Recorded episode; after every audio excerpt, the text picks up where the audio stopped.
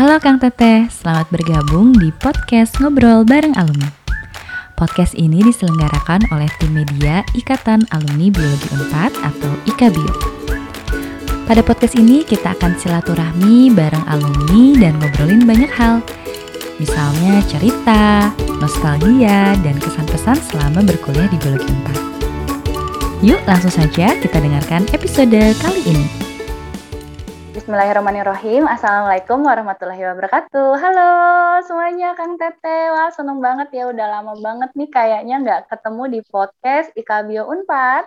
Ketemu lagi hari ini bersama saya Fauzia dari Biologi Unpad Angkatan 2009. Tentunya hari ini kita akan menghadirkan uh, narasumber yaitu dari alumni Biologi Unpad dan kita akan ngobrol-ngobrol nih lebih lanjut tentang uh, cerita, nostalgia, dan juga kesibukan narasumber kita hari ini. Nah, sebelumnya saya mengucapkan terima kasih banget nih untuk Akang Teteh yang selalu setia mendengarkan podcast Kabio Unpad. Sampai akhirnya sekarang podcastnya sudah masuk ke episode 11 ya. Senang banget, terima kasih banyak.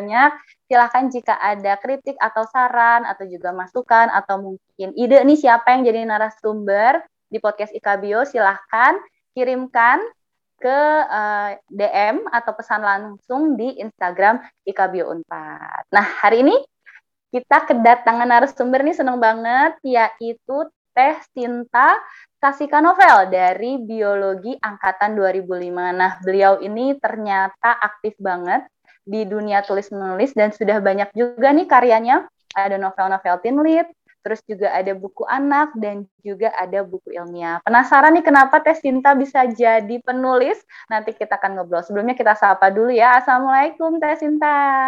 Waalaikumsalam warahmatullahi wabarakatuh. Oke, boleh disapa nih Akang Tetehnya yang sedang mendengarkan. Halo, Assalamualaikum Akang Teteh semua. Uh, saya Sesikan Novel dari Angkatan 2005. Mungkin ada yang sudah kenal, ada yang belum kenal. Jadi mari kita berkenalan gitu. Asik, siap. Nah, gimana nih Teh kabarnya nih Teh?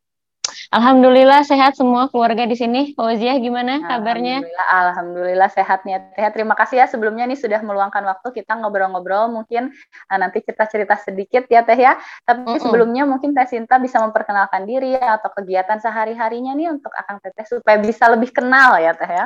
Oke.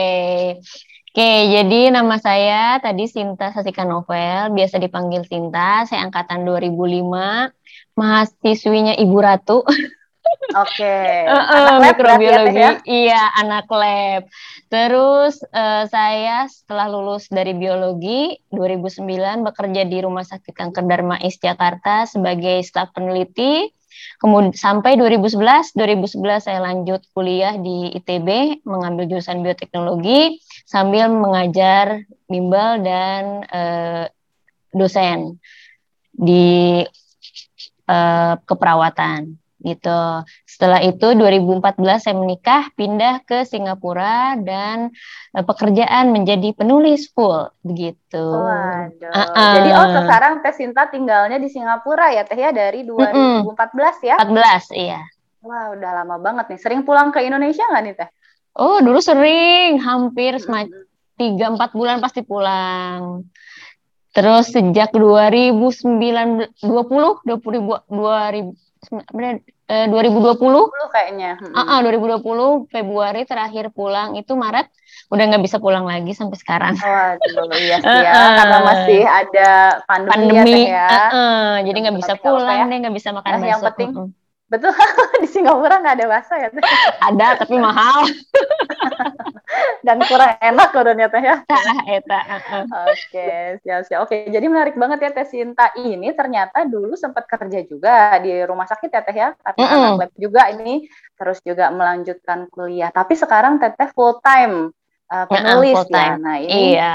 se sebelum kita ngobrolin ke sana karena pasti pada, pada penasaran juga nih. Waktu saya dulu masih kuliah saya kan masuk 2009 ya Teh ya. Udah mm -hmm. ketemu sama Teh Sinta tapi saya sering banget uh, dengar nama Teh Sinta terus nulis mm -hmm. juga. Saya mm -hmm. juga termasuk penasaran, Ih, gimana sih caranya kok bisa ya jadi penulis gitu kan. Nah, mm -hmm. tapi sebelumnya Teh pengen nanya dulu nih dulu waktu kuliah nih di biologi Unpad seperti apa sih kesan pesannya apa yang paling diingat ketika teteh kuliah di biologi Unpad? Uh, kuliahnya banyak. kuliahnya banyak, praktikumnya lebih banyak. Uh, uh, uh, sampai kadang ngantuk-ngantuk di depan dengerin tapi rada merem gitu kan ya pokoknya memang berat banget kuliah di biologi tapi asik karena uh, kekeluargaannya juga erat kan kalau di biologi kan terus uh, apa ya dulu juga lumayan aktif di himpunan sampai harus uh, ngambil skripsinya ke Jakarta jadi udah mulai nggak aktif lagi gitu hmm. di, sejak di situ memang uh, saya dulu 2009 tuh Mei udah lulus. Oh iya, saya belum masuk uh, ya. Mei udah lulus, jadi jadi kita nggak ketemu gitu. Iya betul nah, betul. Saya itu jadi dulu skripsinya kan di Jakarta kan, makanya nggak ketemu sama Fozia gitu, hmm, Fozia. Hmm, hmm. Uh. Tapi namanya tuh ya sering banget denger teh, apalagi karena saya dari dulu juga suka punya suka punya pikiran eh pengen jadi penulis ya. Terus eh ternyata uh -uh. ada loh anak biologi uh -uh. yang punya buku. Jadi kayak penasaran banget makanya seneng banget ya sekarang dapat kesempatan ngobrol. Alhamdulillah ya. Oke okay. jadi dulu kuliah di biologi itu ternyata banyak banget ya teh ya praktikumnya lebih banyak. Tapi yang paling diingat apa nih teh kira-kira? Hmm, apakah oh, ini. himpunannya ataukah kuliahnya? Tentu nih ya Memang Agus. iya betul betul betul betul. itu pasti selalu ya itu paling ingat banget. Tapi memang yang paling berkesan itu adalah dulu tuh kalau kuliah kan satu angkatan banyak gitu jadi rame gitu memang di awal-awal tapi ketika akhir-akhir kan sudah mulai sendiri-sendiri ya skripsi yang kayak gitu-gitu jadi yang paling diingat itu adalah ketika awal-awal ospek nah yang gitu-gitulah itu yang bikin seru yang bikin jadi kenangan kan yang jatuh lah yang apa yang lari ngap-ngap gitu-gitulah itu yang paling yeah, yeah. paling menyenangkan kalau dari himpunan ya menurut yeah, saya yeah. gitu Oke, iya benar ya banyak banget nih uh, narasumber-narasumber podcast sebelumnya alumni-alumni biologi yang kalau ditanya yang paling berkesan itu ya itu masa ospek PCA ya teh ya karena PCA. itu uh, serem tapi konyol tapi penuh kenangan gitu. Penuh kenangan, nah benar.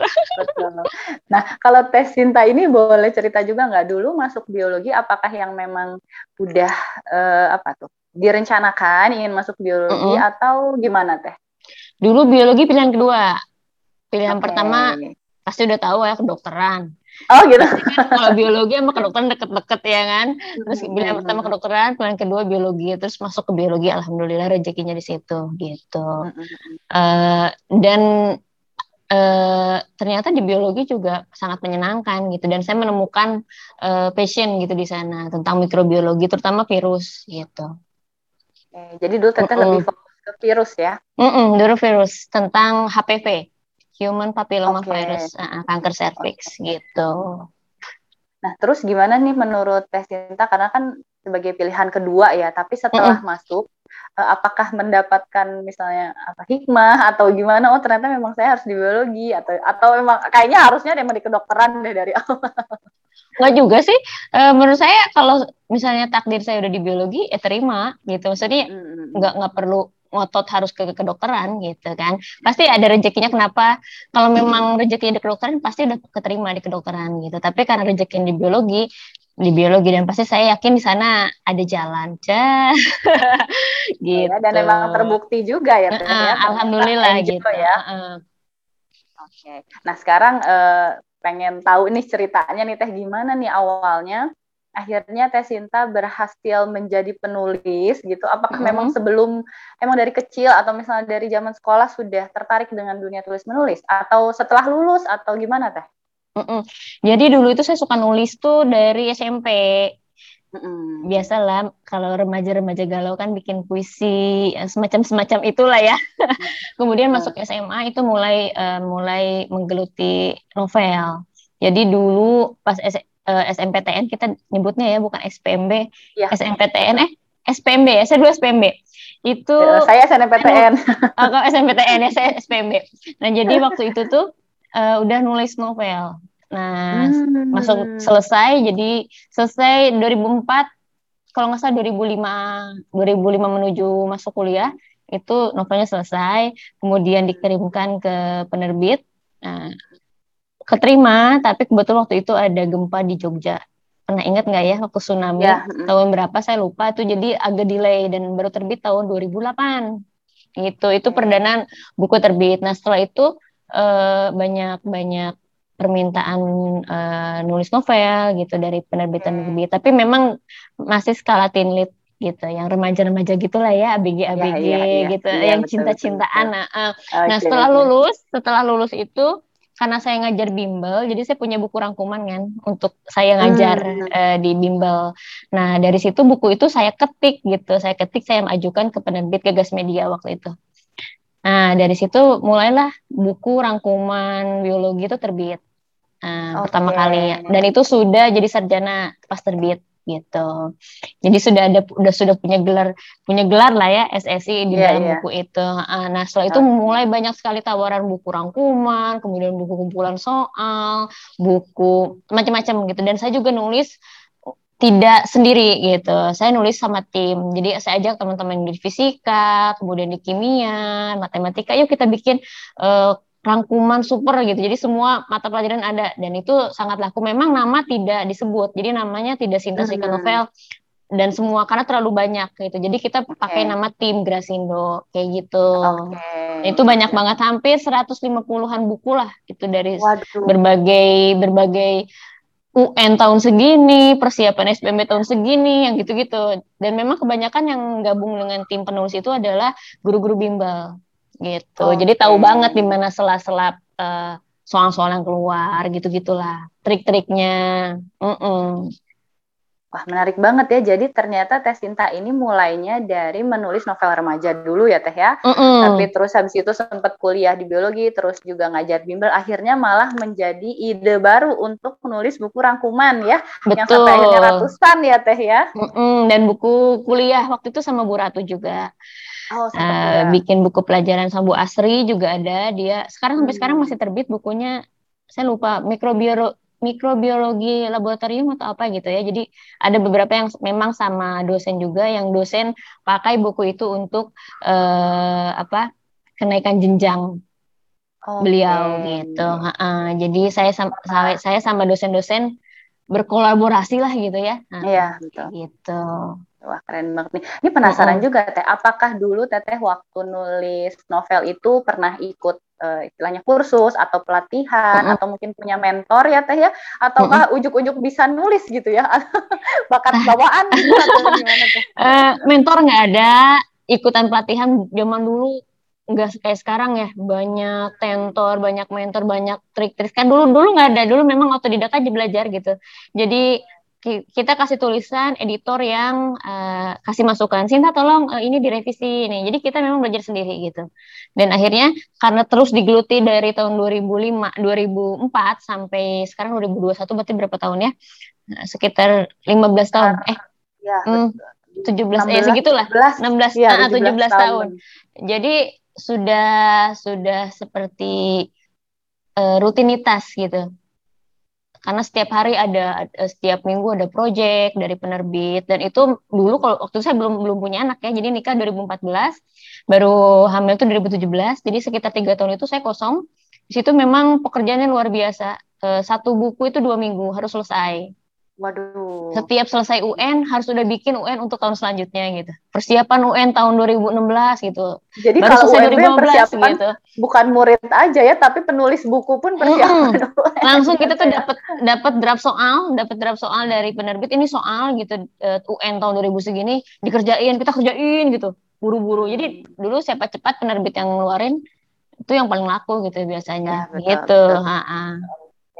Wah ternyata ada cerita menarik banget ya di balik penerbitan buku-buku UN ya Teh ya. Ada yang dikejar lumayan, lumayan kejar tayang. Jadi dulu tuh di Singapura tuh nyaris jarang jarang keluar gitu, jarang jarang main. Hmm. Karena kerjanya hmm. di kamar jadi kayak sama aja dulu tuh. Oke oke. Okay, okay. Nah uh. jadi uh, kalau sekarang apakah Teteh masih nulis teen lit juga? Uh, kalau novel sekarang masih, uh, tapi tidak tidak begitu kejar tayang. Yang kejar tayang itu memang buku anak. Kenapa? Nah itu kenapa saya sekarang buku anak? Karena saya punya anak, gitu. Okay. Wah, uh, jadi berkembang seiring waktu ya uh, uh, gitu jadi kalau buku pelajaran memang nggak saya nggak ambil dulu sebetulnya masih banyak proyek Cinta bisa nggak nulis buku ini karena kalau buku pelajaran kita agak susah karena anak kan kita harus ngurus anak dan buku pelajaran itu harus fokus ngerjain soal kan nggak bisa salah ya kan? Jadi saya nggak ambil dulu sampai mungkin nanti anak sudah sekolah, sudah mandiri gitu. Nah, jadi sekarang buku anak yang dikerjain. Kenapa buku anak dikerjain? Karena pertama simple, kedua juga kita bisa lihat bisa pakai untuk anak kita gitu. Mm -mm. Jadi benar-benar Teh Sinta ini menulis apa yang uh, dekat dengan kehidupan sehari-hari kira-kira mm -mm. gitu ya Teh ya? Iya, yang penting yang penting tuh kita nggak kosong gitu. Kehidupan sehari-hari tuh nggak hampa gitu. asik. Ya uh, jadi harus ada kegiatan yang biar otak itu tetap jalan gitu. Nggak nggak cuman mengerjakan pekerjaan rutin rumah tangga tapi kalau ada ada tantangan bikin tulisan baru itu kan otak hmm. dituntut untuk berkreativitas. Jadi uh, terus bekerja gitu Wah, bener banget mm -mm. Teh. Nah, sekarang kalau penasaran nih, kalau misalnya kan Teteh bermacam-macam ya. Tadi kalau misalnya mm -mm. buku pelajaran, ya pasti kan ada tim juga. Terus mm -mm. kalau buku anak, pasti referensinya karena sambil ngasuh anak juga kan, pasti kita jadi lihat mm -mm. perkembangan anak kan. Kalau misalnya untuk tulis novel nih Teh, penasaran, ini kira-kira inspirasi atau idenya itu dari mana sih Teh? Sebenarnya kalau nulis novel tuh kadang kalau lagi ngelamun, tiba-tiba ada inspirasi kayak gitu. Sebenarnya kalau novel tuh hmm uh, oh, lagi ngelamun padahal saya nggak suka nggak suka nonton film romance. Iya iya iya. Iya tapi novelnya tit uh, gitu tapi novelnya ya, gitu kan. Jadi jadi kayak kalau nonton romance tuh saya banyak ngomong gitu ah ini pasti ceritanya begini begini udah kebaca gitu. Jadi so Korea akhirnya saya malas gitu ya nonton drama drama tuh karena udah karena saya sering nulis novel jadi kayak udah tahu jalan ceritanya akhirnya males gitu kan.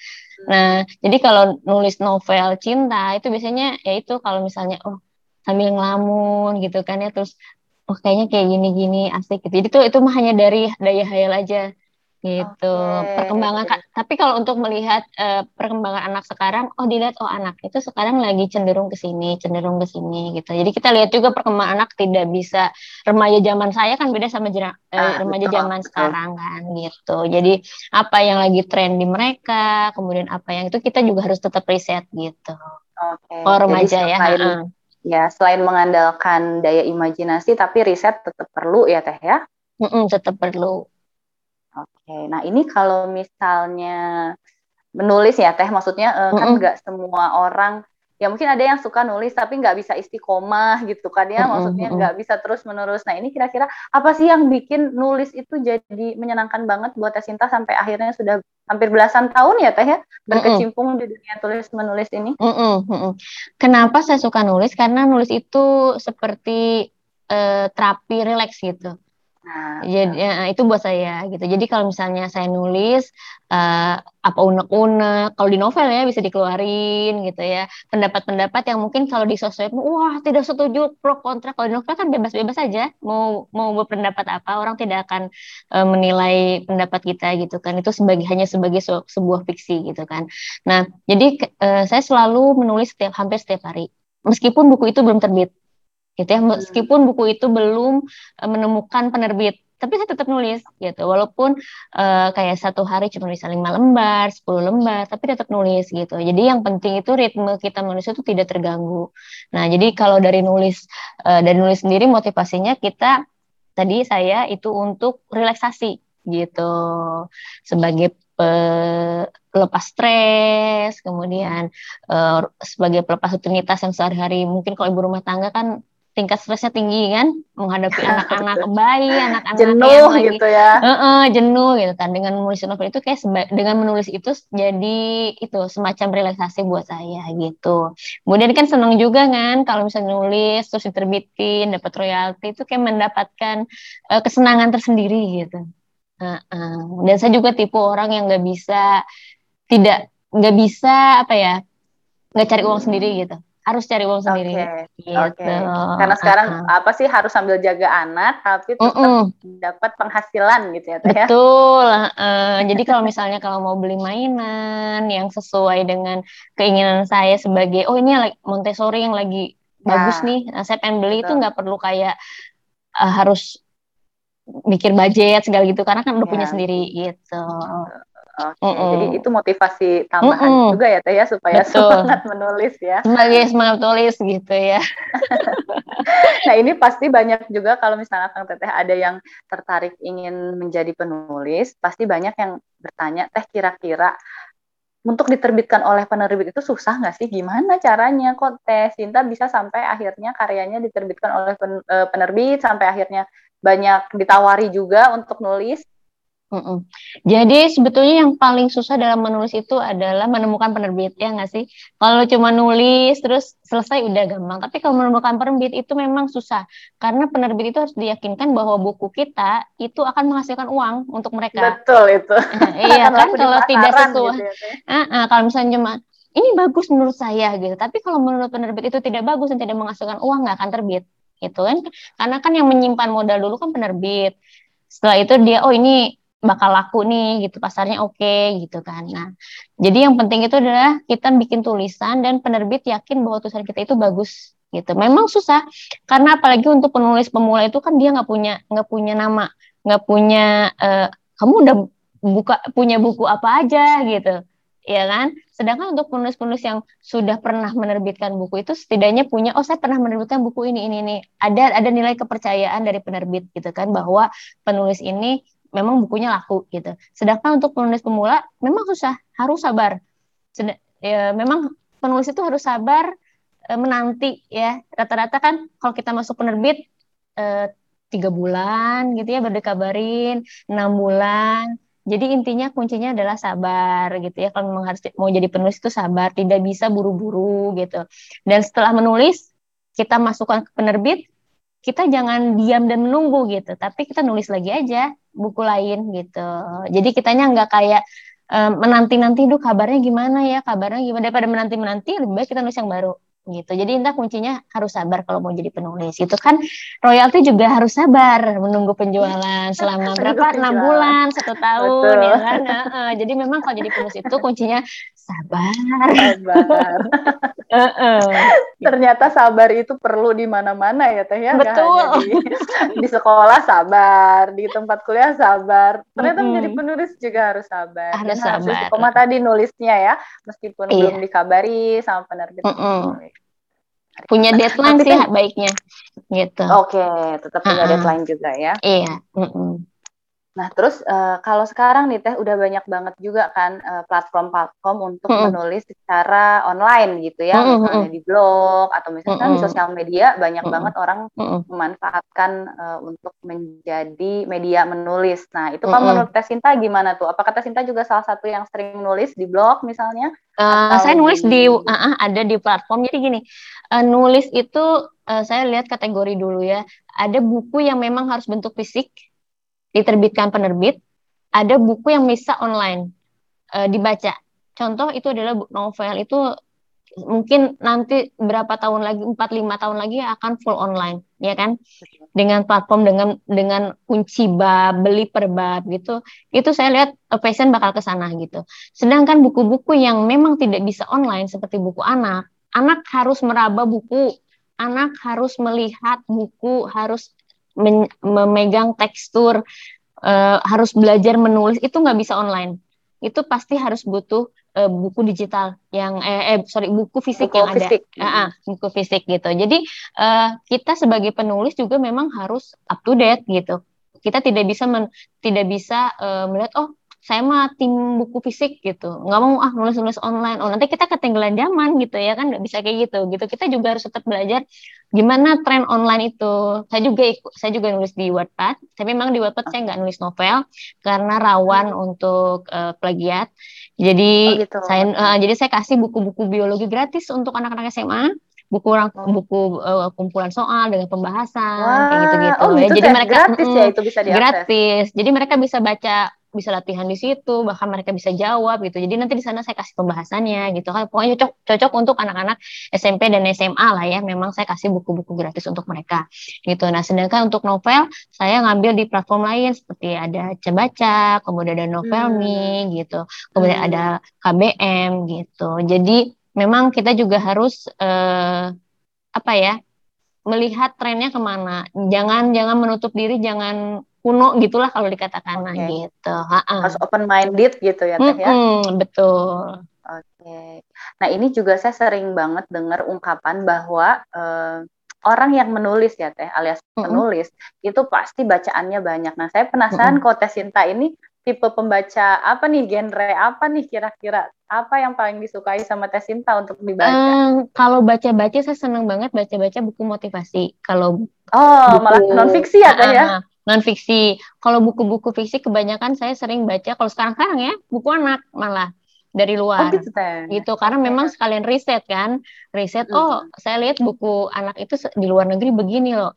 Saya saya praktekkan dulu ke anak gitu ya. Saya bikin dulu buku dengan sistem leveling, kemudian anak coba, oh dia ternyata bisa dengan sistem kayak gini. Jadi memang di riset dulu gitu karena itu buku-buku anak. Sedangkan untuk novel-novel saya suka baca novel uh, yang dari luar itu novel-novel kayak Sidney Sheldon kemudian uh, ya kalau J.K. Rowling udah udah udah tahu lah orang-orang yang pasti baca gitu ya kemudian uh, novel-novel detektif uh, Conan Doyle, uh, uh. Yeah. kemudian ya saya lebih senang buku-buku yang berbau misteri sebetulnya ya dibanding okay. novel.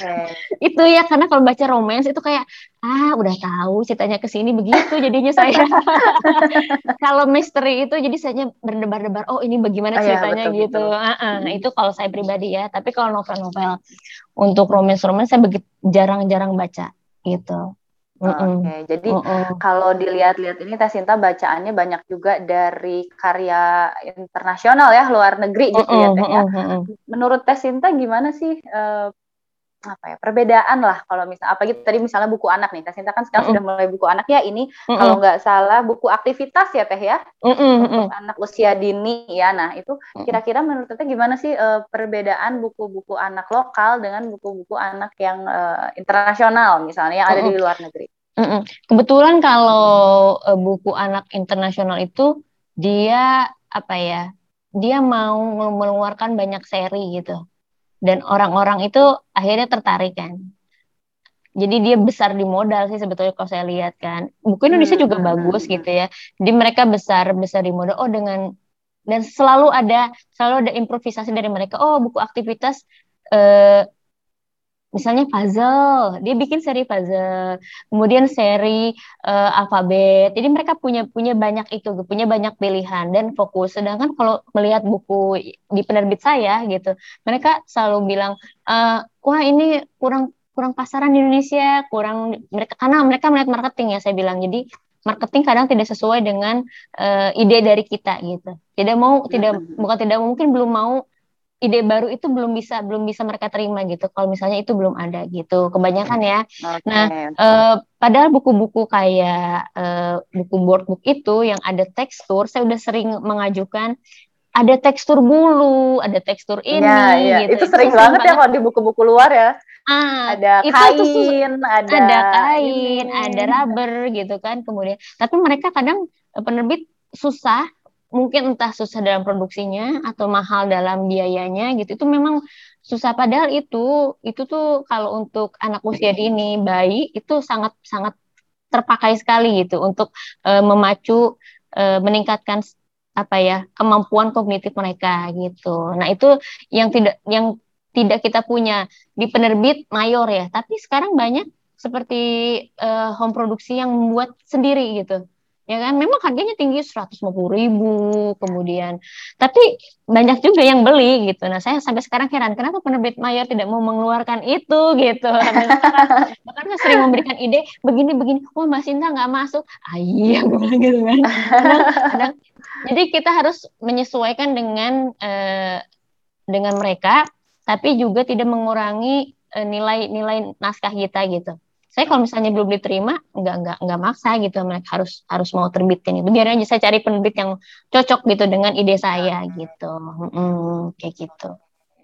Ya mungkin itu juga yang uh, bikin kenapa saya perhatikan juga sekarang banyak uh, eks, apa tuh namanya uh, pameran buku internasional dan itu pasti mm -mm. buku anaknya wah laku banget oh, ya laku banget karena uh -uh. sering uh, apa mencari itu tadi ya teh ya yang nggak ada mm -mm. di buku-buku lokal mungkin ya. uh -uh. buku-buku lokal kebanyakan kan kadang hitam putih aja gitu ya kegiatannya sedangkan untuk anak-anak usia dini itu warna itu sangat menarik gitu mereka bisa belajar warna kemudian mereka mereka bisa melihat eh pokoknya eh, apa ya indera indera semua indera tuh kepakai di sana gitu ada suara ya kan kadang ada yang suara, kemudian motorik halusnya juga kepakai, yang model flip gitu kan. Dia ya, bisa buka-buka, bagian-bagian kecilnya bisa tarik, bisa putar dalam satu buku, kalau ada lagu, ada suara gitu kan, ada tekstur, itu semua dalam satu buku itu menarik gitu. Jadi seperti gadget gitu. Kenapa anak sekarang ya, suka gadget? karena gadget lebih menarik daripada buku gitu. Betul kan? Ah, iya. Sedangkan buku-buku luar negeri itu membuat bagaimana anak tidak tidak begitu sering terpapar gadget tapi bu, uh, tapi dengan buku sudah cukup gitu. Ah, gitu. betul betul betul. Mm. Penasaran juga nih kalau tes cinta berarti sangat uh, peduli ya dengan anaknya memberikan buku sejak dini atau ya istilahnya mencekoki lah gitu ya teh ya. Mm -hmm. Atau yeah. gimana nih? Iya, saya memberikan buku sejak bayi. Jadi memang saya kasih kasih buku-buku buku saya buku yang saya beli gitu di luar itu yang bertekstur yang segala rupa saya beli gitu. Terus di sini juga ada perpustakaan uh, dan buku-buku seperti itu ada jadi pinjem. Jadi biar dia tarik, dia pegang, dia sentuh, kita bacain gitu. Akhirnya uh, anak saya dua setengah tahun udah bisa baca gitu udah bisa baca. Jadi karena sering dibacain buku itu gitu. Uh, tapi gadget juga dia main, dia gadget main. Tapi gadget itu saya jadikan sebagai sarana belajar uh, simulasi gitu. Kalau game edukasi kan dia ada belajar sorting, ada belajar matching game kayak gitu ya. Itu jadi kita kita jadikan sebagai modeling dulu. Dia bisa nggak coba simulasi di di di di aplikasi gitu. Nanti realnya kita kita kasih yang real dia pegang gitu sistem uh, oh ini oh ini pisang oh ini apel kita kasih gitu. Tapi dia juga lihat dari dari uh, gadget oh ini gambar apel oh ini suara suara kalau ngomong apel tuh gini gitu.